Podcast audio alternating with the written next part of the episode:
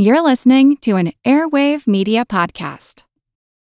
Lucky Land Casino asking people what's the weirdest place you've gotten lucky? Lucky? In line at the deli, I guess? Aha, in my dentist's office.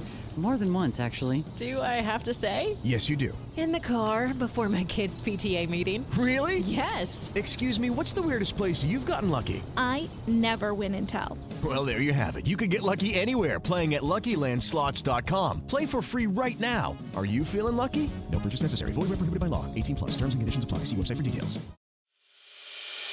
As a longtime foreign correspondent, I've worked in lots of places, but nowhere as important to the world as China. I'm Jane Perlez, former Beijing bureau chief for the New York Times. Join me on my new podcast, Face Off US versus China, where I'll take you behind the scenes in the tumultuous US China relationship. Find Face Off wherever you get your podcasts. This is Kick Ass News. I'm Ben Mathis.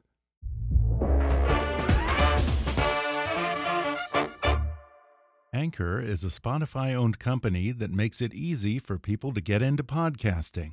It's an all in one, totally free platform where you can record a podcast, host it, distribute it, measure your performance analytics, and find sponsors. It all works in your web browser or through Anchor's mobile app.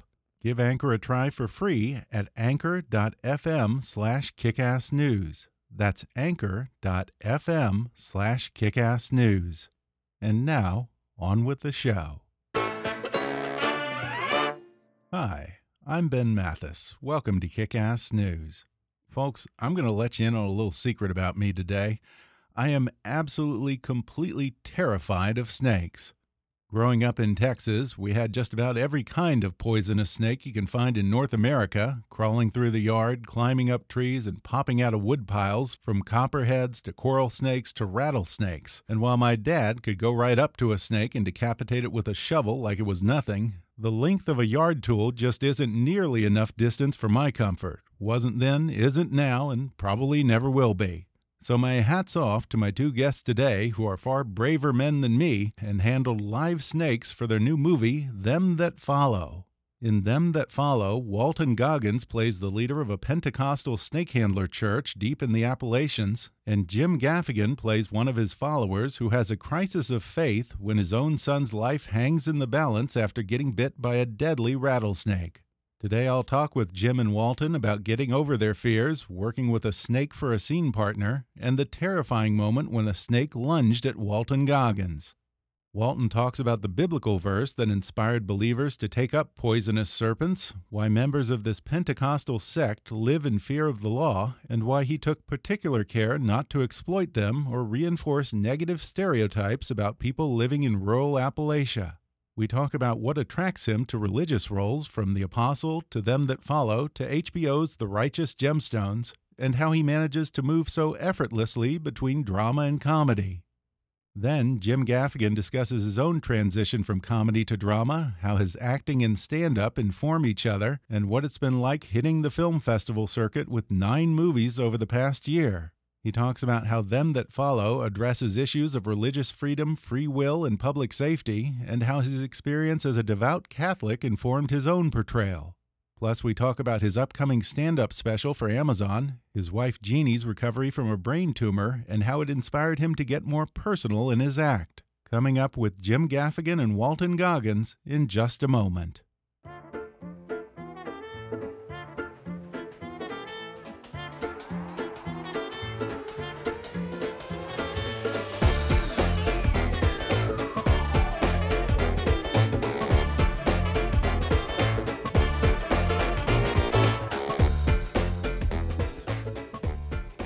Walton Goggins is best known for his memorable roles in Sons of Anarchy, Justified, The Hateful Eight, Vice Principals, Django Unchained, Ant Man and the Wasp, and Tomb Raider, among others. Now he plays a preacher at a Pentecostal snake handler church deep in the Appalachians in Them That Follow. Walton Goggins, welcome. Nice to be here. Thank you for having me. Well, I have to ask, what was your initial reaction when your agent called and said, Hey, we got some guys here who want you to play a Pentecostal snake handler?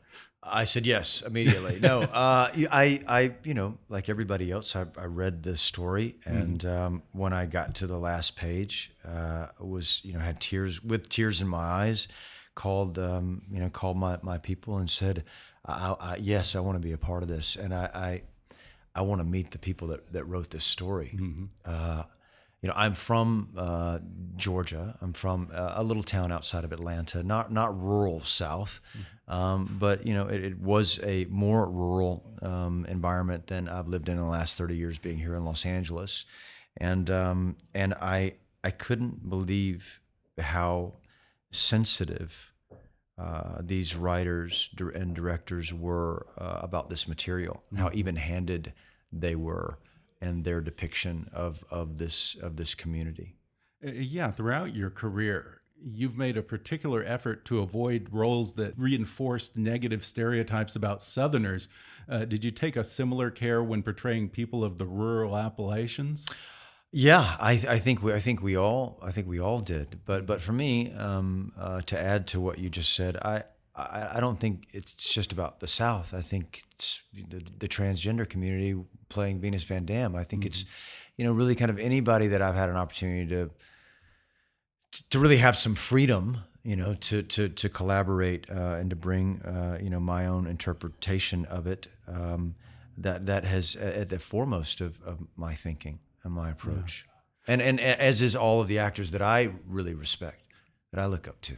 And this is not the first time that you've played, I guess, a, a, religious fundamentalist. One of your big breakout roles was as a religious convert in Robert Duvall's brilliant film, The Apostle. And then, of course, you're now reuniting with Danny McBride for HBO's upcoming limited series, The Righteous Gemstones, in which you play, quote, a former child star who clogged and sang for Jesus.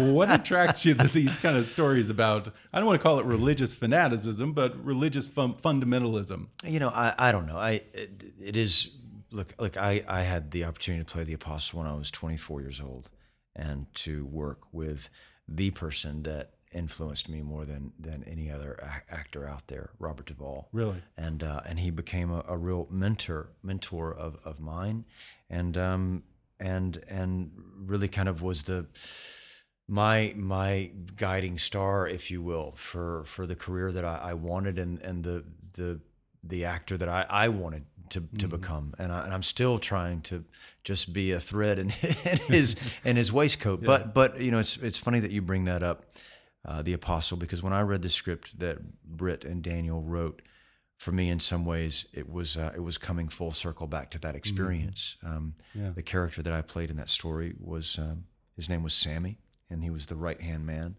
of of the apostle, played by Robert Duvall, and um, and in some ways I I I felt that he would have grown up, he would have matured uh, in, in a way that that this would have been the path that he would have taken, that he would have taken the experience that he had with the apostle and moved to a smaller town um, uh, up up north and um, and and started a, a church, a Pentecostal church.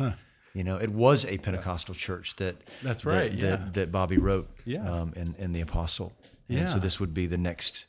Uh, yeah, this is extreme Pentecostalism. yeah, that's right. guess. Yeah, the next step in his process. Yeah, and for anyone who might know, this is a real thing. There are churches in, in the Appalachians, West Virginia, places like Kentucky, where people handle rattlesnakes and in some cases drink strychnine to prove their faith in God.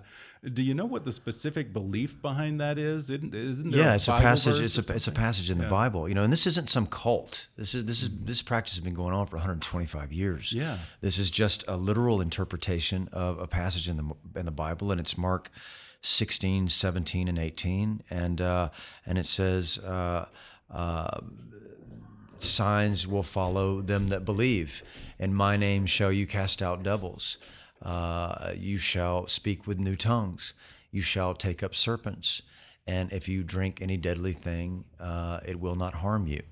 And and this community, this small marginalized community, interprets that verse that is kind of the center of their faith, uh, literally and and they don't arbitrarily uh, pick up snakes every single time they congregate, um, it is when they feel the Spirit of God within them.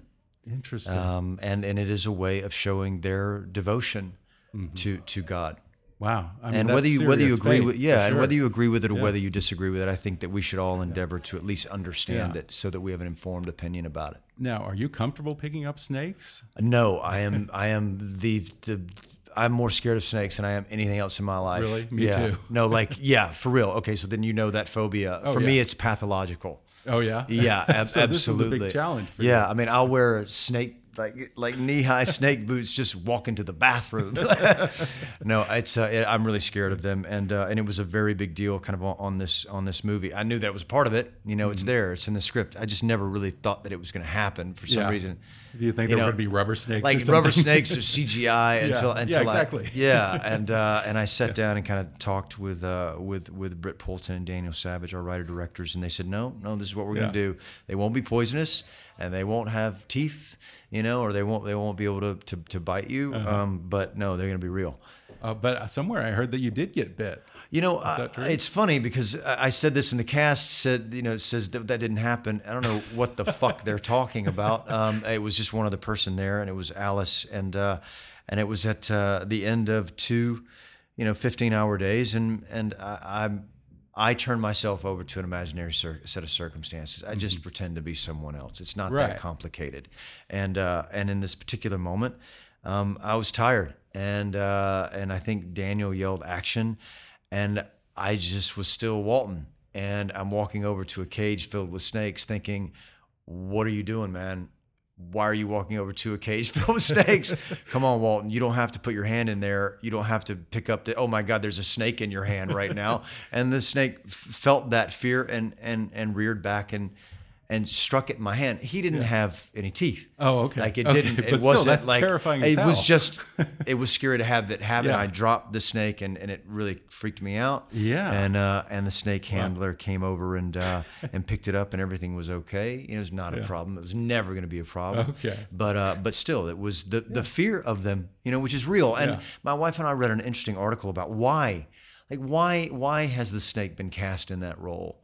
Um, you know, for for so long in human evolution. You know, it has been the villain.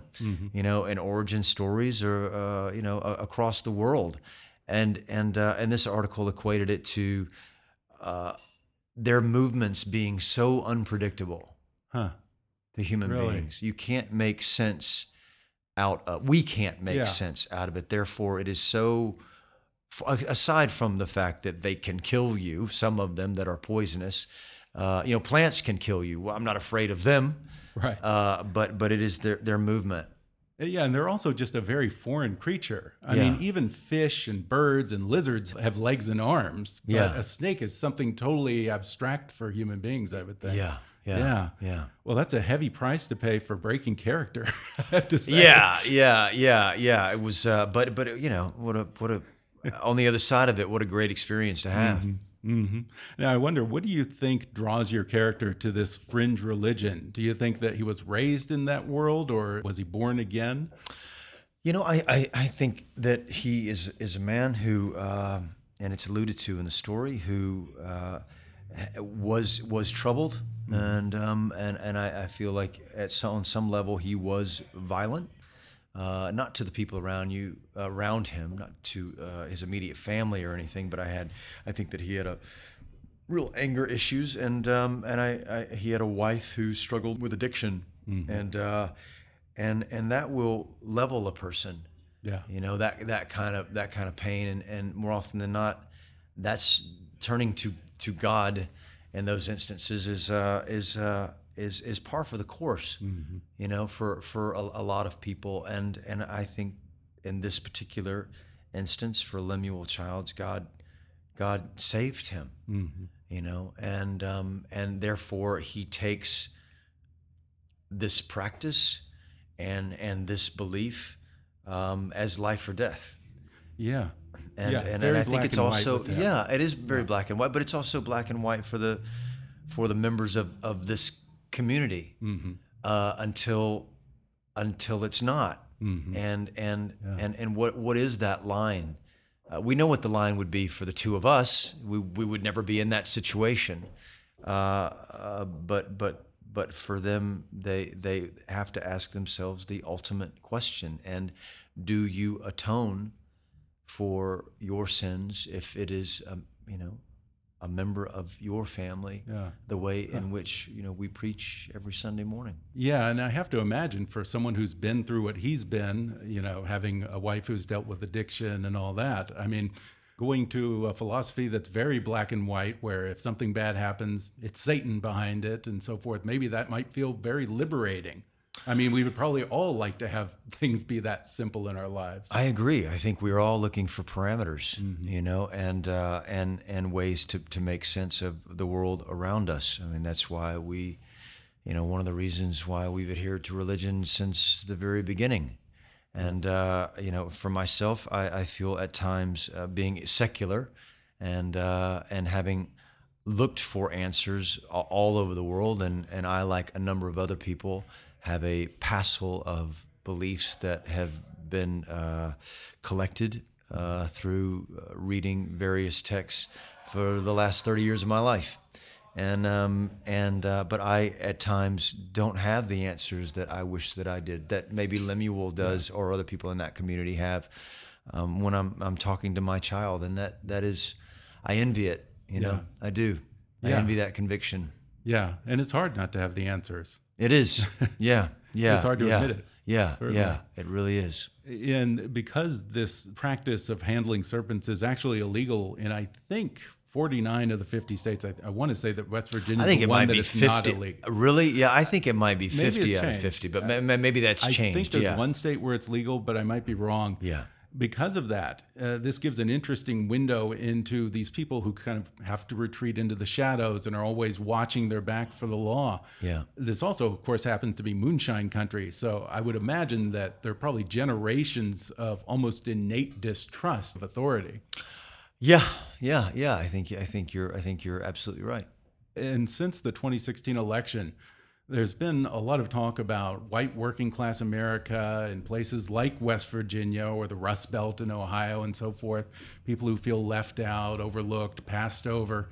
It would seem that the people that they're describing are the people in this film. Part of what drives people to retreat from mainstream society and find their tribe in these sort of fringe groups like this. Do you think that's where that comes from in some way? Well, I, you know, I, I think the only way that I can I can speak to that is that we should all endeavor on both sides of the political uh, conversation or your political ideology to uh, to un- understand um, and to to empathize with another person's struggle. You don't have to agree with it, but you should endeavor to to live a life of curiosity, and, and, and a part of that is deeply understanding things which you don't understand. Um, you know, the same thing can be said about uh, the LGBT community. Sure. You know, in, in an urban environment, um, you know, uh, Christians have been marginalized. You know, on, on, on some level, and certainly this this extreme kind of uh, fringe aspect of of the Christian community uh, for for a very very very long time. Um, and and whether you agree with it or whether you don't agree with it, uh, at least endeavor to under understand it. And and that's what these writers and directors have done, and what we try to do as actors. And this film takes place in a strictly patriarchal society. But I read at some point that you kind of grew up in the opposite of that, something of a bohemian matriarchy in your family. I did, How yeah. much did that influence your path in life? Oh God, uh, you know, I mean, I, I, I think it has been one of like the biggest kind of contributing factor. You know, uh, growing up around a bunch of uh, really strong women that that did it did it for themselves. Um, um, it, it has really kind of made me who I am today. I, I, I think that this movie, Them That Follow, by its very nature is set in a, in a patriarchal society, but I think that the, the meaning behind it and the decision that the central female uh, he, uh, hero, if, if you will, the story, uh, Mara played who, uh, played by Alice Englert, who plays my daughter, the decision that that she has to make uh, is very much in line with the national conversation that we're having right now. Mhm. And she's just terrific in it. She really is well. terrific. And and what I and I and I think maybe this is you know uh, I think my interpretation of of a number of the characters that I've had an opportunity to play have been influenced uh, in a very positive way by my rearing by, by, by women, by Mm-hmm. very strong, uh, colorful, at times dysfunctional, highly functioning, dysfunctional, uh, powerful women.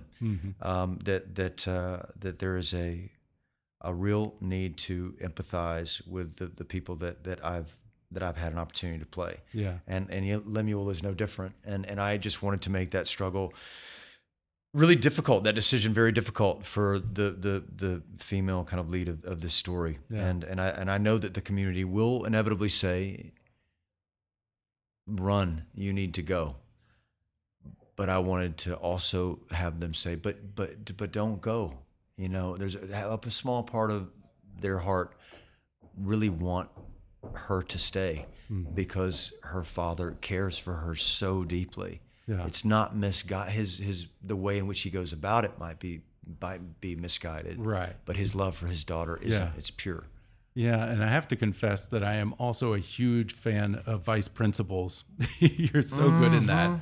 Thank you, Lee Russell. Yeah, you're, you're you're one of those actors who seems to be able to drift seamlessly between drama and comedy. I won't ask if you prefer one over the other, but do you think that one comes more naturally to you than the other? You know, it all depends on the writing, doesn't it? You know, if you have. Yeah. good writing, then it just it's it is always without effort.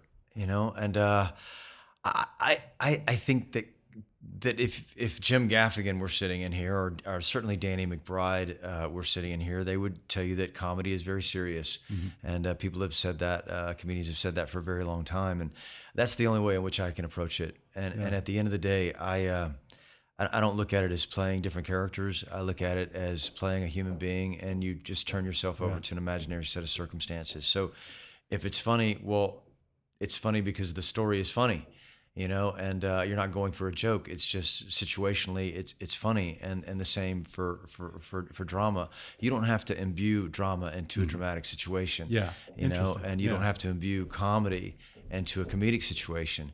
Life is the way that it is, and when I leave you today.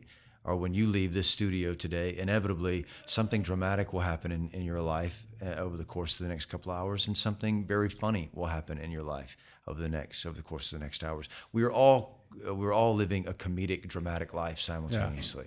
Yeah. Well, now you've got me excited for lunch. Look at there. Who knows? Let's see what this chicken salad has in store.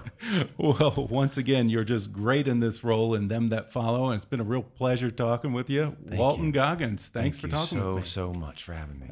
We're going to take a quick break, and then when I return, I'll talk with Walton Goggins' co star in Them That Follows, actor comedian Jim Gaffigan, when we come back in just a minute.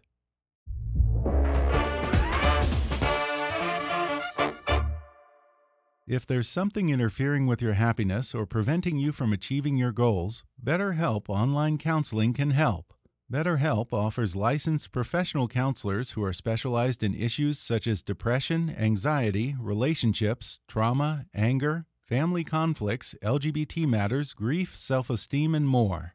Connect with your professional counselor in a safe and private online environment and get help at your own time and at your own pace. Anything you share is confidential, and it's so convenient you can schedule secure video or phone sessions as well as chat and text with your therapist.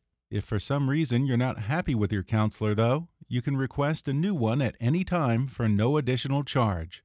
Best of all, it's a truly affordable option. Kick-Ass News listeners even get 10% off your first month with the discount code KICK. So why not get started today? Go to betterhelp.com/kick. Then simply fill out a questionnaire to help them assess your needs and get matched with a counselor you'll love. That's betterhelp.com/kick. It's summertime and summer is prime ice cream season. In my house, a backyard barbecue or a day by the pool just isn't complete without a cone or a bowl of Ben & Jerry's. For me, it has to be chocolate chip cookie dough or chocolate fudge brownie. My wife's go-to is a Ben & Jerry's classic, Cherries Garcia. And it's not just great on a hot summer day. I'll admit that I've been known to sneak into the freezer for a little midnight treat sometimes. I like to leave it out for a minute or so to get soft, and then I work my way around the edge of the pint as the sides melt. That's the only way to do it, folks. You got to go outside in. Once I even got caught enjoying Ben & Jerry's for breakfast. Chocolate chip cookie dough on a waffle with some syrup. Now that's how to start your morning. The way I see it, whether it's morning, afternoon, or late at night, when the temperatures rise, there's just no wrong time for a few scoops of Ben & Jerry's. Treat yourself to your favorite flavor anywhere ice cream is sold, or find a new favorite at benjerry.com. That's B E N J E R R Y dot com. And now back to the podcast. I'm happy to welcome Jim Gaffigan back to the show. Jim has a new comedy special coming up mid August, but first, he plays a devout Pentecostal snake handler who has a crisis of faith in them that follow. Jim, welcome back to the podcast. Thanks for having me back. And now, Jim, I don't want to make any judgments on you, but I can't imagine that you're any more comfortable with snakes than I am. What was that like having a snake for a scene partner? Well, a snake. I was uh, pleasantly surprised that it was more comfortable than I thought. I mean, it also yeah. there was a snake handler there who was like, "This one doesn't right. bite. This one's yeah. not poisonous," and uh, they are relatively beautiful creatures. So uh, th- it was kind of surprising. I'm not saying I want to own a snake. but you know, uh, it, it, helps when someone's like, "This is not poisonous," or "This has been defanged," yeah. or whatever. yeah, that helps. It helps. It helps a lot. Yeah. Now, you and your wife are devout Catholics, and your religion often figures into your comedy. Uh, did that in any way inform your approach to how this film portrays this particular sect? Well, it's interesting uh, because I don't feel what I responded to in reading the script was that uh, Dan and Britt, who wrote and directed uh, this film, are not bashing these people as mm-hmm. um, naive. It was not kind of an anti. Uh, the movie's not anti Pentecostal or anti mm-hmm. person of faith.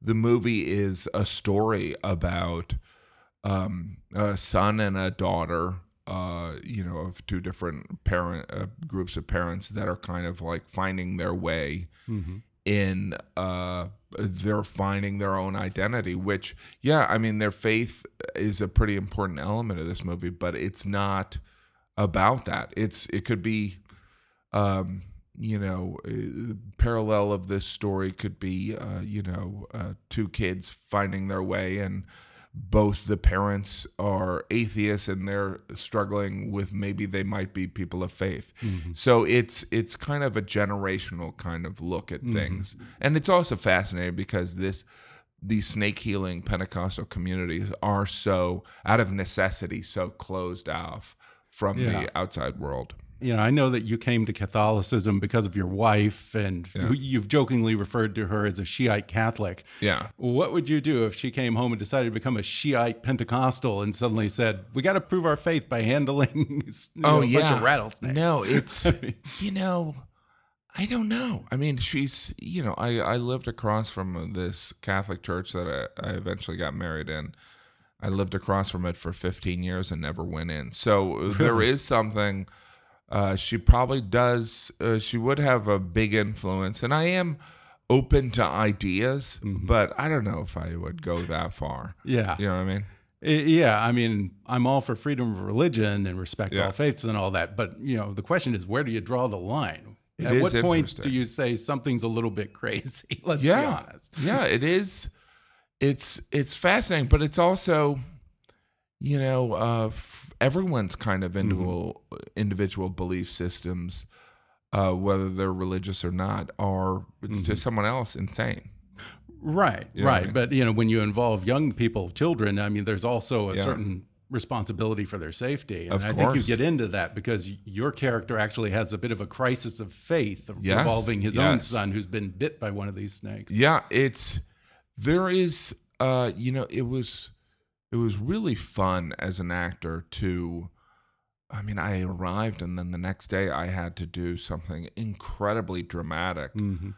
and uh, you know I am a parent, so I accessed a lot of these emotions. Not that any actor couldn't, but it was pretty profound. I mean, it's you know being a parent is such a strange thing because you can you can uh, kind of like expose your children to a lot of things, but it, there's nature and nurture. And mm-hmm. so there's some nurture, but there's some nature, you mm-hmm. know? So that's really what I think also is addressed in this movie.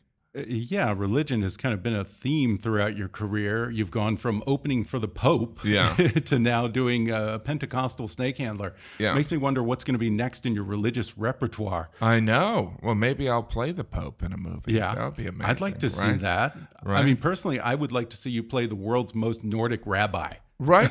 or I could be JP too. I could that. be John Paul II, right? Yeah. I kind of, I'd probably have to lose weight. Yeah, I don't know. Yeah, yeah, yeah. He was blonde and He was that. blonde, yeah. you know? Yeah, I could totally see that. And he at the end he was doing a lot of he was doing a lot of sleeping. Right. So I could do a lot of Okay, so you could play the old Pope. Not Yeah, I the- could not play the, the not old when he was like a like Olympic skier practically. Yeah, no, he was like very uh theatrical. Yeah. You know what I mean? He was Yeah. doing plays.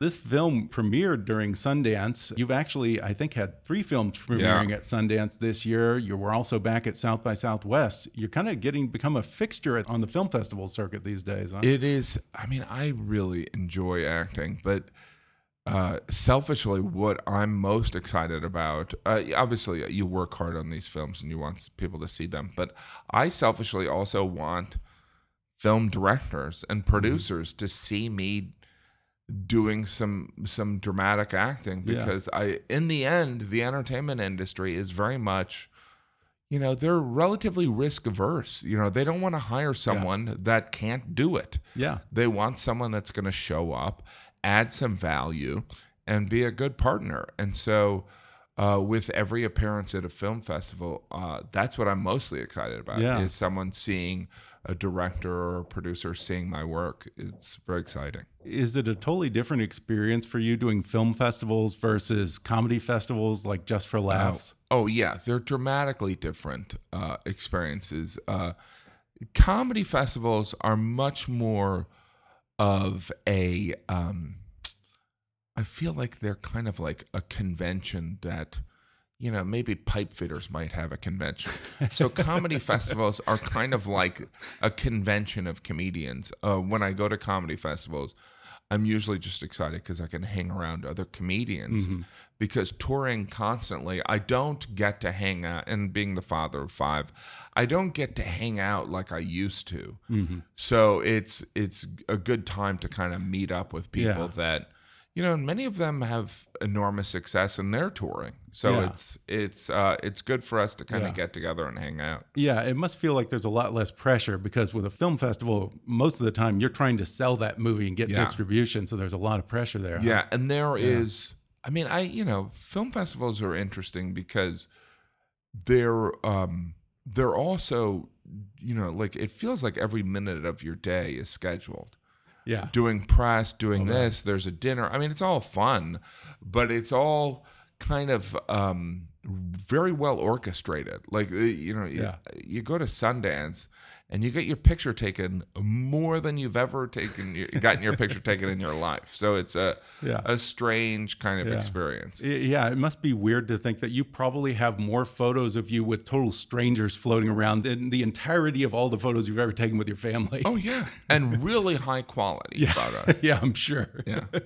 yeah. Well, can you picture yourself going to Cannes and doing the red carpet? I, you know, I uh, I would love to go to Cannes. I'm not, you know, the red carpet and all that stuff. There is something that um, gives me the willies about that. It's Yeah. just kind of, it's similar to the Met Ball. You know, it's like it just, you know, there's something kind of uh, it bumps me a little bit.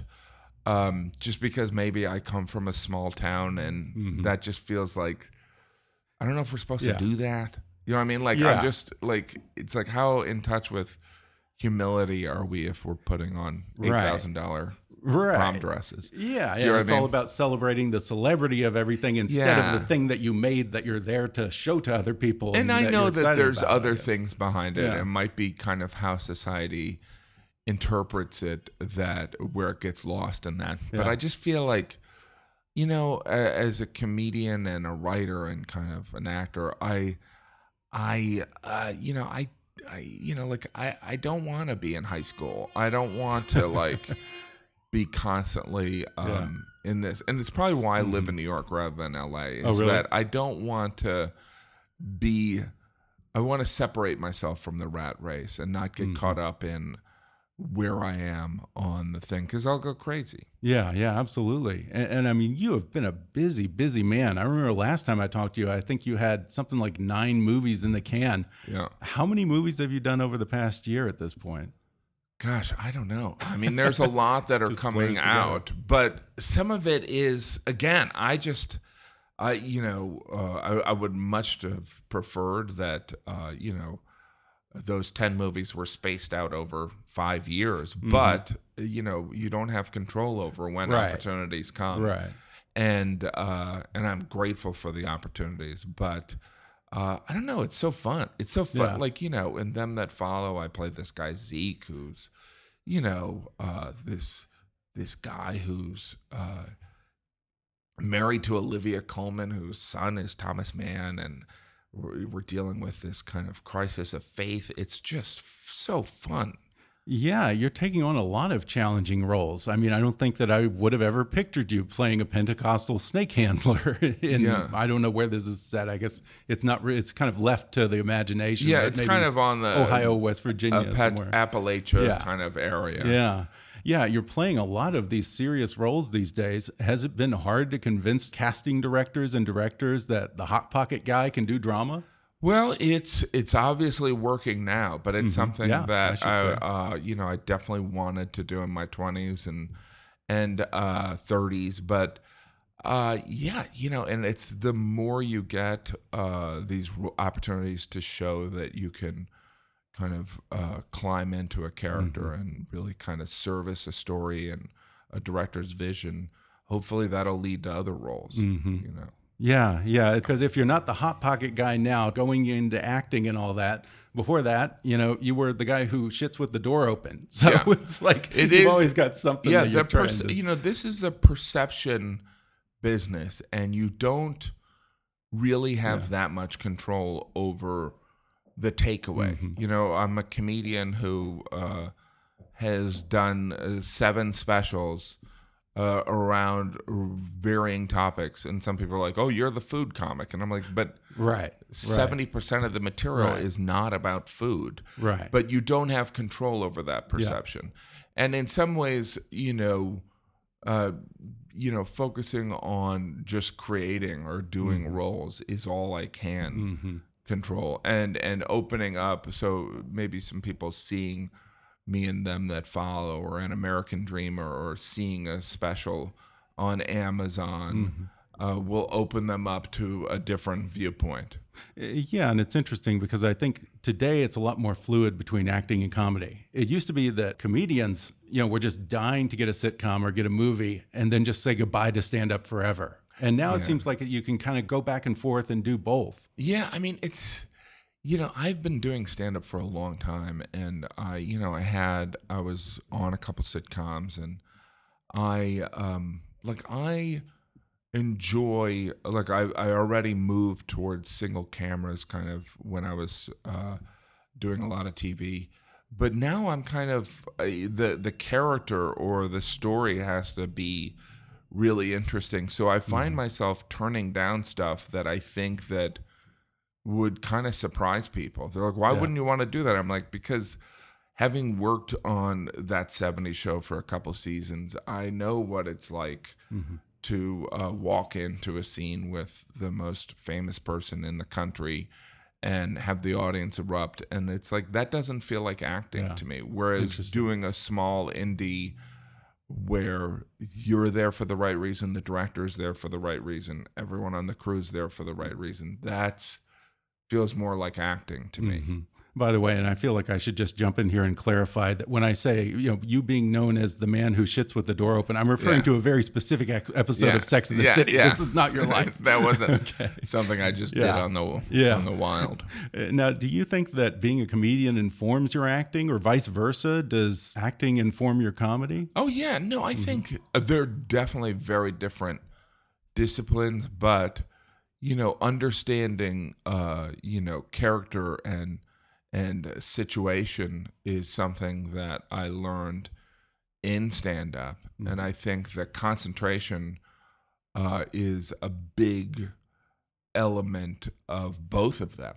Yeah. So um, Interesting. and you know being organic in the moment so like the material is really important but uh the intention or the character is more Yeah. important so people you know with stand up you know seeing you know my you know this special that's coming to amazon it's important for people to uh it's not just the jokes it's about some of the evolving of the conversation I have with the audience. Mhm. It's not, um, you know, I, I'm challenging them, but I'm also not completely reinventing myself. And and that's the same that you have to, you know, when you build a character, it has to be multi-dimensional. Yeah, and speaking of challenging yourself, uh, in the last special, you opened up about a lot of personal things because your wife had a brain tumor and Yeah. had a long recovery with that, and that was a big scare for you.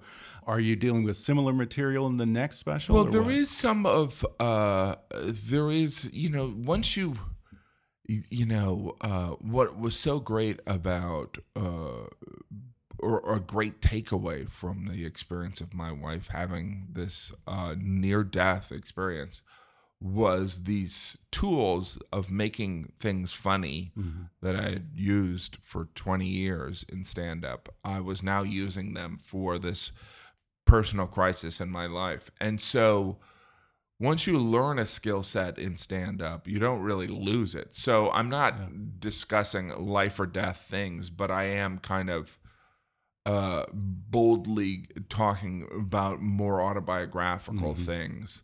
Yeah, uh, because I imagine it's hard to go back. Yeah, it is It's hard, to go, back. backward from but that there sort of thing. you know, like some of it is almost a larger discussion of we live in a, a voyeuristic kind of exhibitionist age Mm-hmm.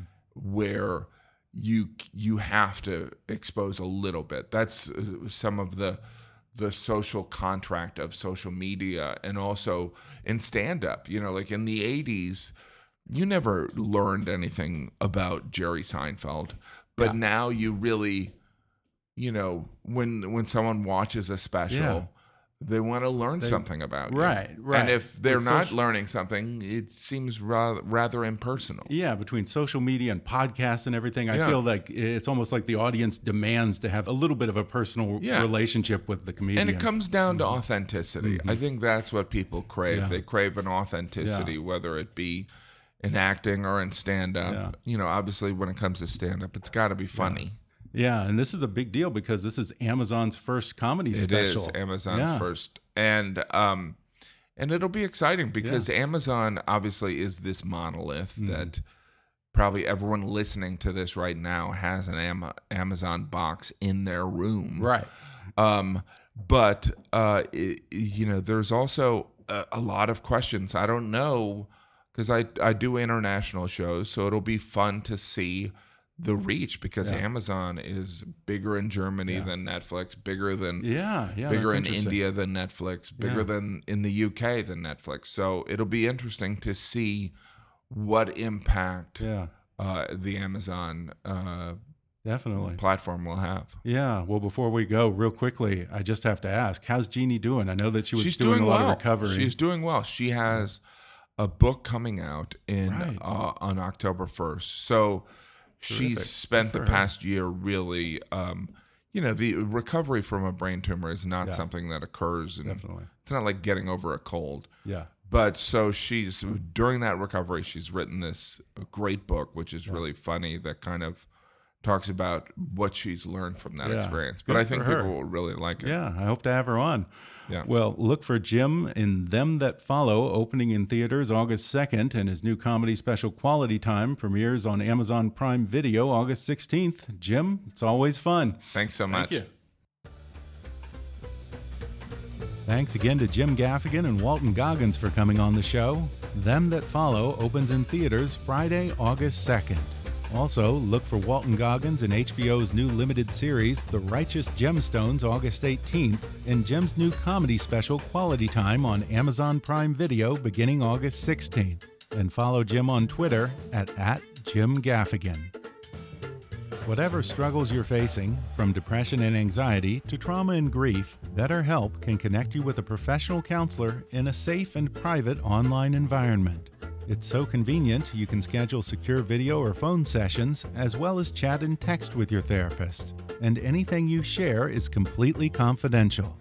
Best of all, it's a truly affordable option. Kick-Ass News listeners even get 10% off your first month with the discount code KICK. So why not get started? Simply go to betterhelp.com/kick and fill out a questionnaire to get matched with a counselor you'll love today. That's betterhelp.com slash kick. Folks, you know when I sit down to binge watch my favorite TV show or catch the newest episode, it's always better with a pint of Ben and Jerry's.